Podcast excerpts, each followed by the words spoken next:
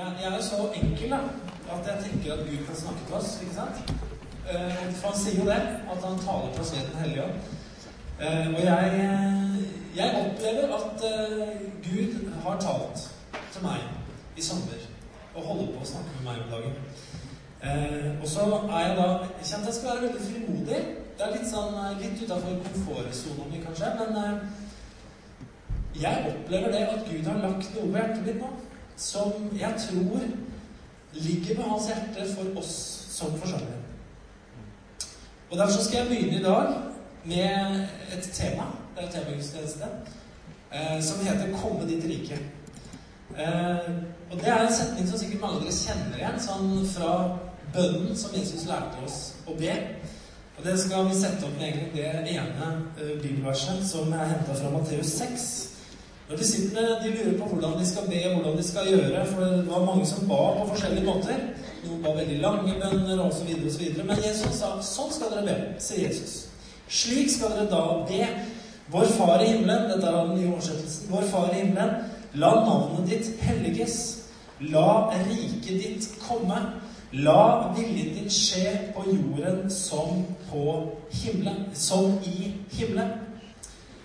Det her har det har talt veldig til meg, dette her med Guds rike. Guds rike-dimensjon. Og i dag, i dag, skal vi snakke om åndelige ting. Eh, ikke det sanselige, men åndelige ting. Eh, og det er, mye, det er veldig mye i Bibelen som er utrolig praktisk, og det er det med Guds rike òg. Det er veldig praktisk når det kommer til stykket. Eh, men det er også mye undervisning i Bibelen som er veldig sånn ting som omhandler det normale, daglige, synlige livet, det menneskelige livet. Det kan handle om hvordan man skal opptre overfor andre, relasjoner osv. Hvordan gjør man i ekteskapet, hvordan gjør man med økonomi. altså Mange veldig sånne ting som vi i hverdagslivet kjenner er veldig sånn hands on. Det er veldig lett å ta i det. Mens når vi kommer til sånn tema som det her, komme ditt rike som er i himmelen så blir det plutselig litt mer uti der på en måte. ikke sant? Det blir litt mer ja, hvor, hva, altså, hvordan, hvordan, får vi tak i det på en måte? Men det er det Jesus sier. Han sier la, at vi skal be La ditt rike komme. La din vilje som er i himmelen, komme ned på jorda. Og da snakker vi om noe som er åndelig, så jeg håper du er liksom åpen for litt sånn åndelig prat. Er du det? Det er bra. Eh, Bibelen forteller oss at Jesus er konge som vi sa. Eh, og en konge, han har et rike. En konge, han har et land, han har en nasjon, han har et folk. Og sånn er det også med Norge. Vi er et kongerike, kongerike Norge. Vi har en konge som heter eh, Harald. Eh, og han, han har et folk, han har en nasjon, og vi, vi er det kongeriket. Nå er det sånn at det er en del elementer, en del ting som, som definerer et kongerike som avgjør hvordan et kongerike ser ut, hvordan det fungerer. Hvilke muligheter er det som fins i det kongeriket her? Eh, det er sånne ting som, eh, sånne ting som lovene våre, f.eks. Hva slags lover er det som gjelder? Eh, hva slags rettspraksis har vi? Det er økonomi. Det er holdninger. Er vi korrupte i det landet her? Er vi ikke korrupte i det landet her? Det handler om kulturtilbud, det handler om mat, teknologi, infrastruktur, utdanning, velferdsordninger, helse- og sykehustilbud, naturressurser, verdiskapning, kreativitet, sikkerhet, moral, etikk og religion. Alt det her, det skaper en sum som gjør at i kongeriket Norge så er det sånn og sånn.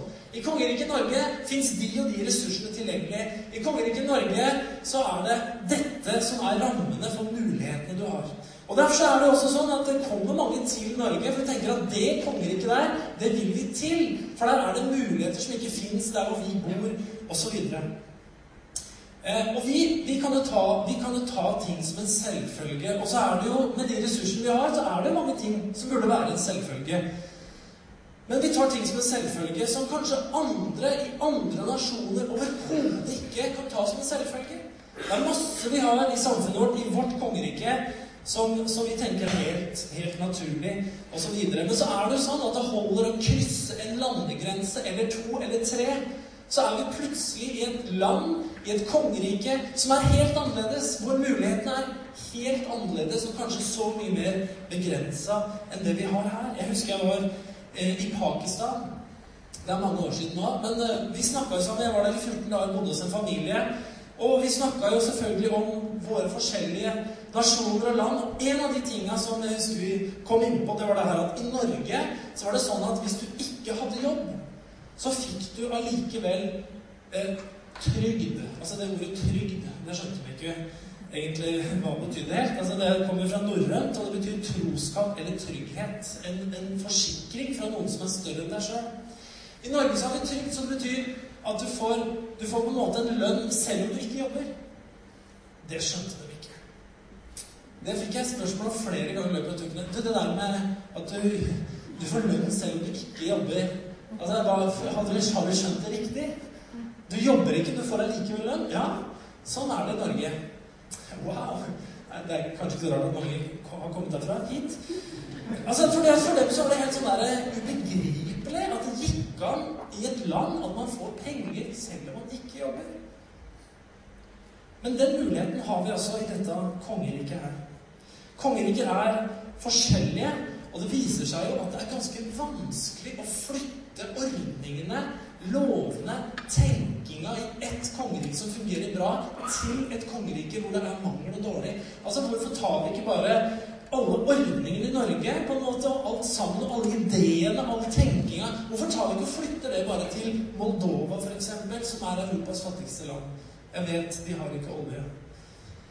Men allikevel men så viser det seg at det er så fryktelig vanskelig å endre en tenking, en måte å agere på inni oss mennesker fordi vi er vant, blitt vant til kanskje begrensninger og ressurser. Og så er det sånn f.eks. USA de har jobba i de har jobba steinhardt nå sant, for å innføre demokrati i Afghanistan, hvor det er en stammekultur. De har jobba for å innføre demokrati i Irak. Og det, dette har liksom vært det store målet. Vi skal innføre demokrati. Jeg tror det ser vanskelig ut. Det ser fryktelig vanskelig ut å få det til fordi menneskene er vant til å tenke annerledes. De er vant til å agere annerledes. Og jeg tenker at sånn er det også den enorme kontrasten som fins i det som Bibelen kaller for Guds rike. Som er et kongerike som er så annerledes enn det jordiske her nede. Det er et rike som har sånne ressurser som ikke vi kan begripe engang, men som når Jesus kommer, begynner å demonstrere og begynner å snakke om at himmelriket har kommet nær. Og jeg tror, veldig, jeg tror det er sånn at for oss å på en måte konvertere tankene våre Altså hele vår indre innstilling til å leve i det riket og på en måte ta del av den tenkingen og de ressursene, det kan være like vanskelig som det er for en afghansk født i stammekultur å liksom ta imot et vestlig demokrati eller norske velferdsordninger. Men det er det det er det Gud utfordrer oss til å gjøre. Han utfordrer oss til å bli, eller vi har blitt, borgere av et annet rike som kalles for Guds rike. I Jesu bønn La ditt rike komme, la viljen din skje på jorden som den gjør i himmelen. Så forteller denne her bønnen oss noe. Den forteller oss for det første at himmelen er et sted hvor Guds absolutte vilje råder. Der er det hans vilje, hans tanker, hans gjerninger som råder i himmelen. Det er veldig klart. Det er et sted hvor det er bare godhet, hvor det ikke er ondskap. Det er et sted hvor det ikke er sykdom, det er et sted hvor det ikke er fattigdom, det er et sted hvor det ikke er sult. Det er et sted hvor det ikke finnes undertrykkelse, og det finnes ingen urettferdighet i Guds rike i himmelen. Og så forteller det oss at jorden det er et sted hvor Guds vilje på mange måter ikke skjer. Jorden er et sted hvor det er godhet og ondskap om hverandre side om side. Verden ligger i det onde. Jorden er et sted hvor det er sykdom, et sted hvor det er fattigdom, et sted hvor det er hungersnød og mangler, hvor det er undertrykkelse, hvor det er urettferdighet. Og så sier da Jesus at vi skal be om at Guds vilje, som er i himmelen, det skal komme ned på jorda. Det skal komme hit og manifestere seg her nede. Det er mulig at Guds vilje kan skje på jorda på samme måte som det skjer i himmelen. Det er det som ligger i den bønnen her. Jesus ber oss om å be den bønnen, og da tenker jeg den bønnen er det mulig å få svar på. Når Jesus kommer, så demonstrerer han Så kommer han og demonstrerer himmelriket. Det er to begreper som går igjen veldig mye i Nytestamentet. Spesielt i Matteusevangeliet så er det dette uttrykket 'Himmelriket har kommet nær'. Eller Guds rike har kommet nær. Og når man ser på det, så ser man at begrepet himmelrike det er ikke et begrep som er brukt i Det gamle testamentet. Begrepet Guds rike er heller ikke et begrep som er brukt i Gamle testamentet på den måten som Jesus gjør det. I Det gamle testamentet så var det sånn at Gud han handla med, med, et fysisk kongerike som var Israel som nasjon, hvor det ble innsatt en konge hvor det var, som ble salva av Gud osv. Og, og det var en, en, en nasjon, et kongerike, Israel jordisk, men det var bare et forbilde på noe som skulle komme. Men så kommer Jesus, og så begynner han å snakke om at nå har Guds rike kommet. Nå er himmelriket kommet nær osv. Og, og Jesus snakker veldig tydelig om at han ikke er av denne verden. Det er noe Jesus kommer med som ikke er av denne verden, som kommer fra et annet sted. Og Johannes 18, 36 så sier Jesus noe om det, hvor han kommer ifra, og hva han kommer med. Og han sier, som det står her i Johannes 18, 36, Jesus svarte, 'Mitt rike er ikke av denne verden.' Var mitt rike av denne verden, hadde mine menn kjempet for at jeg skulle bli overgitt til jødene, men min kong kongsmakt kommer ikke herfra. Han sier med andre at det jeg kommer med, jeg kommer med en kongsmakt, jeg kommer med en autoritet fra et annet rike. Jeg har et mandat fra et annet rike, og det er himlenes rike. Det er Guds rike som jeg har med meg og kommer med til jorda her til dere. Eh, så er det sånn at når Jesus sender ut disipler Han begynner å samle disipler. Og på ett punkt så er det sånn at Jesus bestemmer seg for å sende dem ut til forskjellige byer. Og når han gjør det, så salver han dem, og så sier han hva de skal gjøre, hva de skal si. Eh, han sier i Matteus 10, 7-8, hvor han sender ut eh, disiplene eh, for første gang, så sier han 'Gå og forkynn'.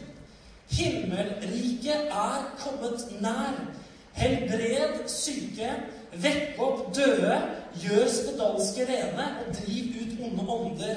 Gi, gi som gave det dere fikk som gave. Det dere hadde fått som gave, det var himmelriket. Det var den autoriteten Jesus ga dem fra himmelriket. Og Det er ganske, det er ganske sånn radikal tekst. altså. Gå ut og forkynn. Himmelriket har kommet. Himmelen er her. This is days of heaven and earth. Ikke sant? Nå er det her. Himlenes rike, det som er i himmelen, det er her nå. Det er tilgjengelig. Og hva skal dere gjøre? Dere skal si det. Og så skal dere helbrede syke, vekke opp døde, gjøre spedalske rene, drive ut onde ånder. Og det er jo ganske kontroversielt bare å si det, men faktum er at det skjedde jo. Det var ikke sånn at det var bare noe de snakke om at himlenes rike er her. Men mennesker ble helbreda. Mennesker opplevde at nå er den viljen som er i himmelen, den verden som er i himmelen, uten sykdom osv., den har kommet til vår by.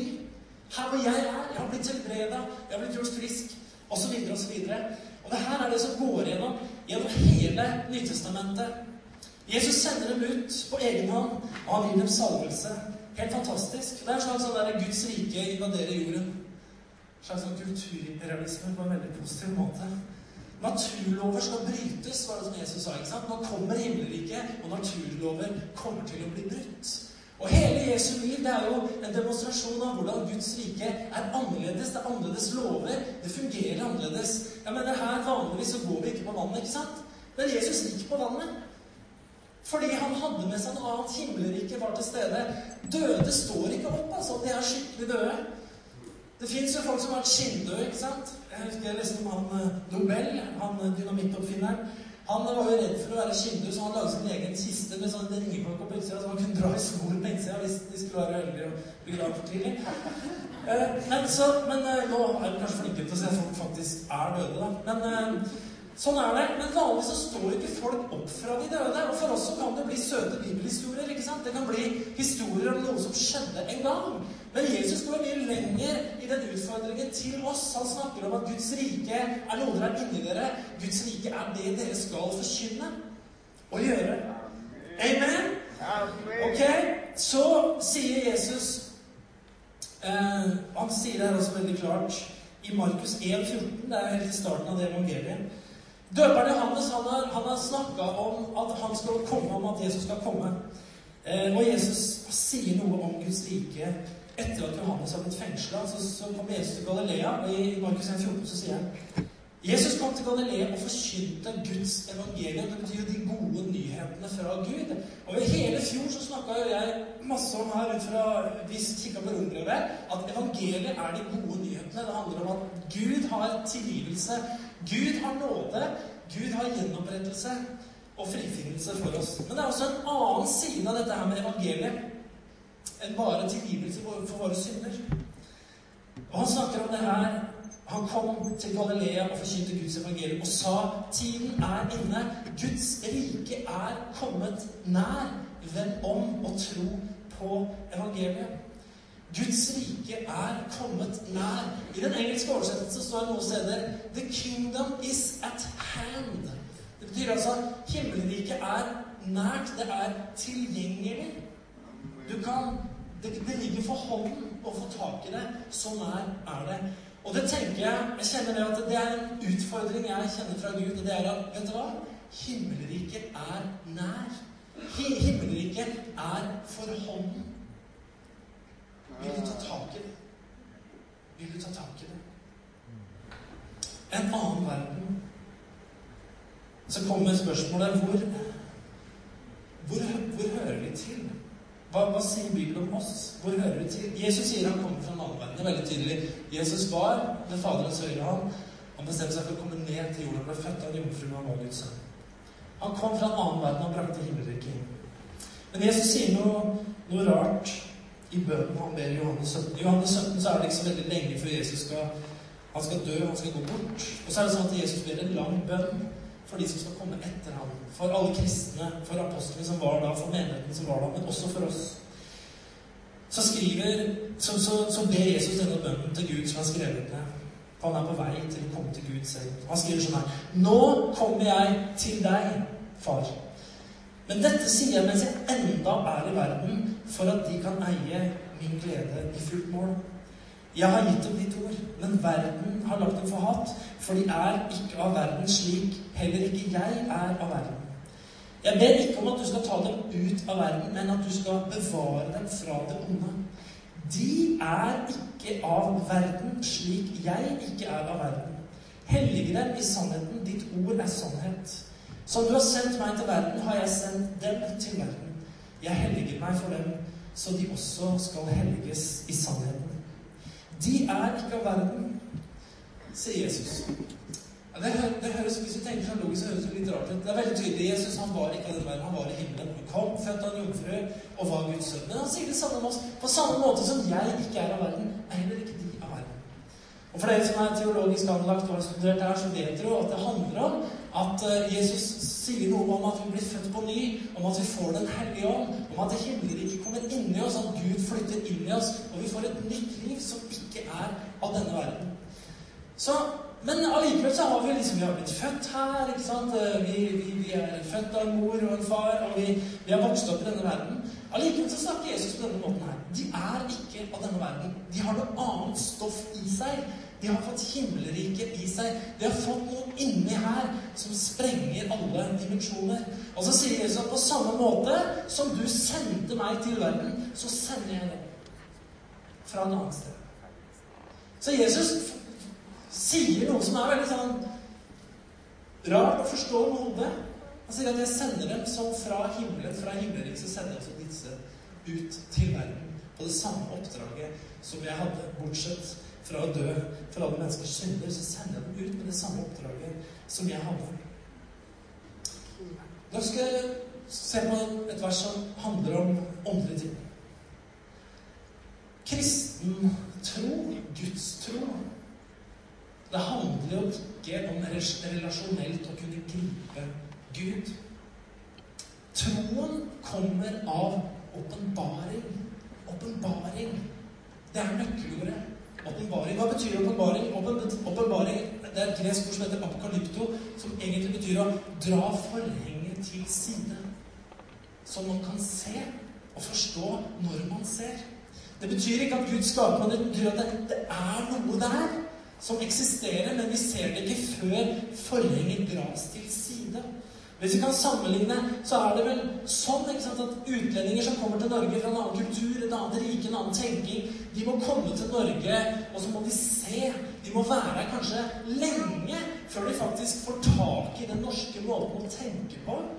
Den norske måten å føle på, reagere på, resonnere på, forstå mulighetene osv. Det kan ta tid. Og På samme måte så er det litt sånn sammenlignbart med Guds rike. Vi må komme inn i det vi må begynne å se det, og vi må være der og få det Bibelen kaller åpenbaring. Og da er det sånn at eh, Paulus skriver litt om det her i Efeserbrevet. Eh, I det første kapitlet eh, så snakker Paulus om det her, han snakker om, han snakker om bønnen. I Efeserbrevet 1 så står det i vers 3, som jeg skal lese, og jeg skal også lese vers 17-19. Der står det Paulus skriver til menigheten Efesus. Velsignet er Gud, vår Herre Jesu Kristi Far. Han som i Kristus har velsignet oss med all åndens velsignelse i himmelen. Så står det i vers 17-19.: Jeg ber om at vår Herre Jesu Kristi Gud, Herlighetens Far, må la dere få en ånd som gir visdom og åpenbaring, så dere lærer Gud å kjenne. Må Han gi dere lys til hjertets øyne, så dere får innsikt i det håp Han har kalt dere til og hvor rik på herlighet hans arv er for de hellige, og hvor overveldende hans kraft er for oss som tror. Paulus sier mye her, men en ting han sier at åndens velsignelse i himmelen Han sier med andre ord at det som er i himmelen, har blitt gitt oss ved Den hellige ånd.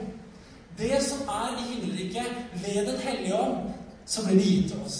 Eh, Jesus reiste Eh, han hadde hatt med seg himmelriket. Han hadde demonstrert himmelriket. Og så sier han nå drar jeg, og så skal jeg ikke etterlate dere aleine. Jeg skal sende en annen som skal gjøre det samme som meg, men han skal gjøre det i dere isteden. Så sender han Den hellige ånd, og så kommer Den hellige ånd. Glory to God. Og så skjer det her at vi blir født på ny, og så får vi oppleve at himmelriket det kommer inni oss. Og så er den velsignelsen som er i himmelen, det er gitt oss ved Den hellige ånd. Er ikke det fantastisk? Det er konseptet som Gud har gjort i forhold til det her. Han ber også, Paulus, han ber om at vi skal få åpenbaring og visdom, så vi lærer Gud å kjenne.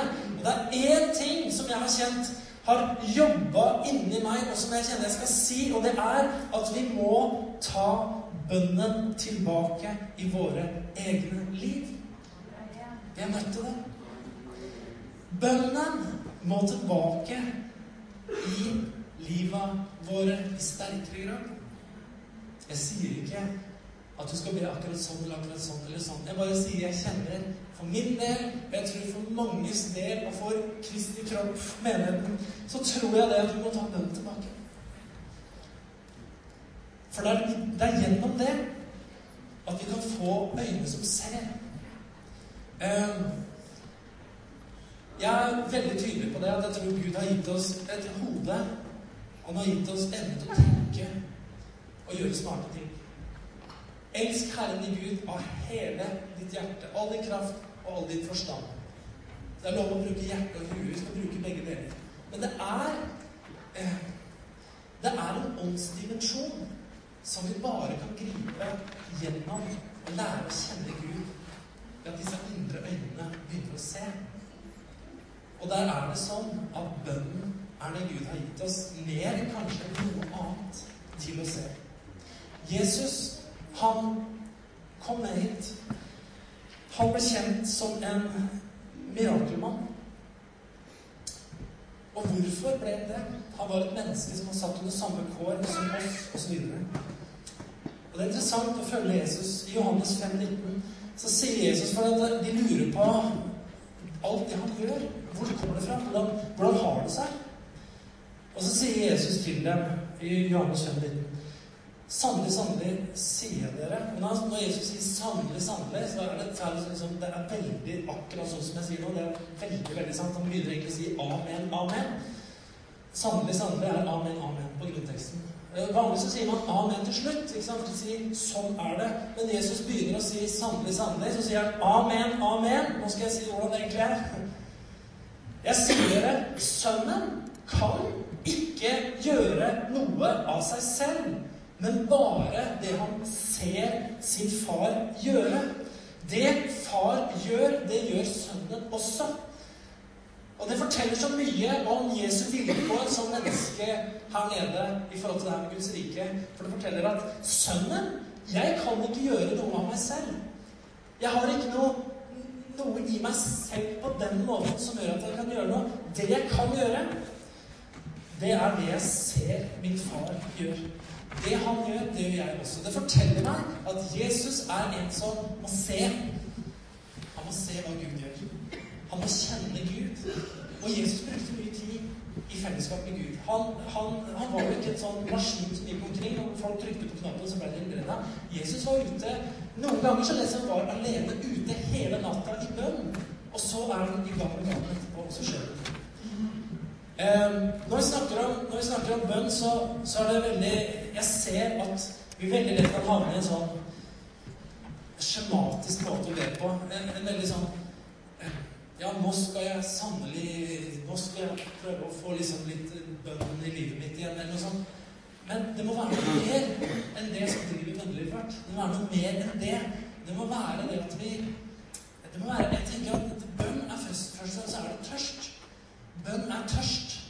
Ja, det, jeg, jeg, må ha tak i mer av Gud. Det er tørst inni meg, og det er kanskje et bra sted å begynne. Gud, vekk tørsten i meg. Vekk tørsten i meg overfor det som er så annerledes, overfor det som er i ditt rike, som er så mye større enn det jeg har.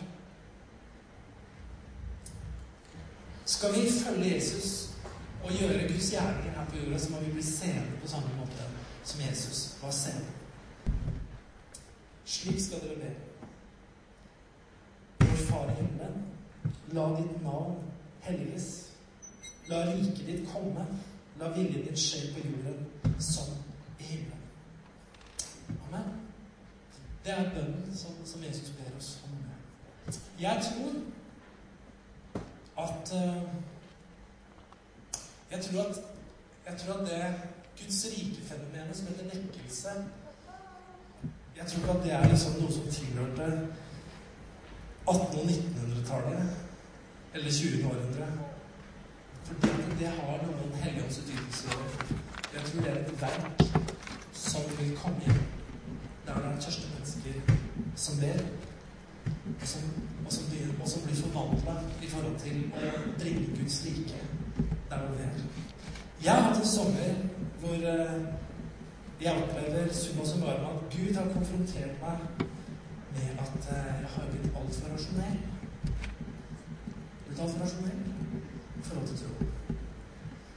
Og Guds rike Guds riketenkinga, det utfordrer det rasjonelle noe voldsomt. Jeg snakka med Jeg husker ikke hvor var engang. Jeg bare vet det var en som jeg snakka med. Jeg husker ikke, jeg det var. Men du fortalte meg at uh, jeg hadde bedt for henne for uh, 20 år siden. Hun hadde hatt allergi. Mye på og så hadde det blitt bra. Og så Det hadde jeg aldri Det hadde jeg aldri fått greie på. Og så tenkte jeg at det er fantastisk. Jeg ble kvitt det for 20 år siden. Liksom. Jeg hadde allergi, men hadde det ikke lenger. Jeg ble ferdig med det. Så er vi ofte så lite flinke til å kanskje fortelle om hva Gud faktisk gjør blant oss. Men vet du hva? Vi må, vi må innta det her, altså. Guds rike. Komme ditt rike, skje din vilje her på jorden. Så du tar piano, Fredrik. Vi jeg skal slutte å preke nå. Det er litt sånn introduksjon på det her med Guds rike. Men jeg tror at Guds rike det kan sprenge begrensningene helt fullstendig om vi tør å innta det. Jeg tror vi må begynne med at vi vi, vi fornyer oss i sinnet vårt. Vi tenker ja, Guds rike er virkelig. Guds rike er her.